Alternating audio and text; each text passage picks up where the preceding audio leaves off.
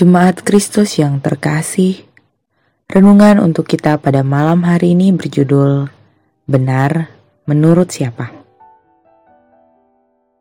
Dan bacaan kita diambil dari Amsal 21 ayatnya yang pertama sampai dengan yang keempat.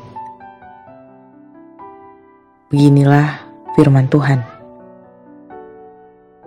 Hati raja seperti batang air di dalam tangan Tuhan dialirkannya ke mana ia ingini. Setiap jalan orang adalah lurus menurut pandangannya sendiri, tetapi Tuhanlah yang menguji hati. Melakukan kebenaran dan keadilan lebih dikenan Tuhan daripada korban. Mata yang congkak dan hati yang sombong yang menjadi pelita orang fasik adalah dosa. Kebenaran itu tak selalu mutlak, karena kebenaran selalu berdasarkan versi dari siapa yang mengatakannya.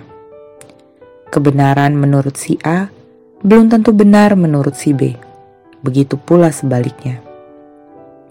Ada banyak faktor yang menjadi dasar dari seseorang ketika berbicara tentang apa yang benar menurutnya, mulai dari kepentingannya, sudut pandangnya pola berpikirnya, bahkan apa yang sudah terjadi di masa lalu yang begitu membekas di pikirannya.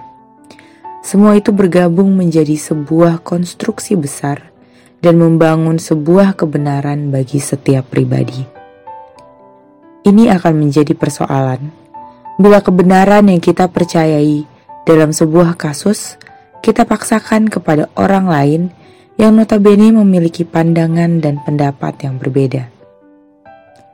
Oleh karena itulah, kita perlu memiliki kerendahan hati dan kelapangan dada saat kita menjumpai kebenaran yang berbeda dengan apa yang kita yakini. Karena bisa jadi, kebenaran yang dikatakan orang lain juga dapat menjadi masukan bagi kita dan menjadi perluasan sudut pandang kita. Karena satu-satunya kebenaran hakiki adalah Kristus telah mati dan bangkit, serta setiap orang yang percaya telah mendapatkan keselamatan di dalamnya. Oleh sebab itu, ujilah selalu apa yang kita anggap benar menurut pandangan kita, agar kita tak seperti katak dalam tempurung yang hanya tahu hal-hal kecil saja. Padahal ada banyak hal luar biasa di luar sana. Kiranya Roh Kudus yang memimpin kita agar kebenaran yang kita pegang hanya berasal dari Allah. Demikianlah renungan malam ini.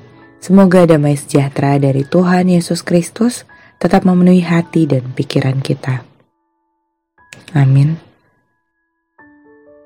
Jemaat yang terkasih, marilah kita bersatu hati menaikkan pokok-pokok doa yang ada dalam gerakan doa 21 GKI Sarwa Indah. Mari berdoa.